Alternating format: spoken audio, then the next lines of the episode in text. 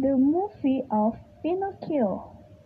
Once upon a time, Geppetto, an old woodsman living in the great Italian pine forest, was lonely. He always dreamed about having a son.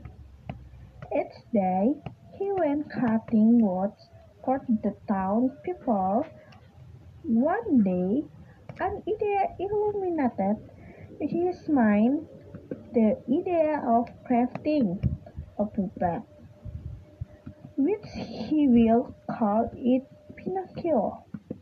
He crafted the puppet, and during the night, the puppet becomes alive. One year of happiness and trial passes. On a Sunday morning, Geppetto told Pinocchio, It's my birthday, son, my little son. I hope you didn't forget it. Uh, sure, I didn't. Pinocchio felt awkward.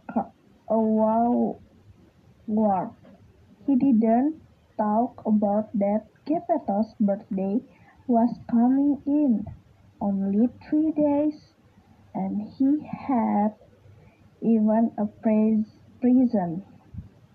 After a long night of reflecting, Pinocchio finally decided to offer a homemade chocolate cake to him as a present.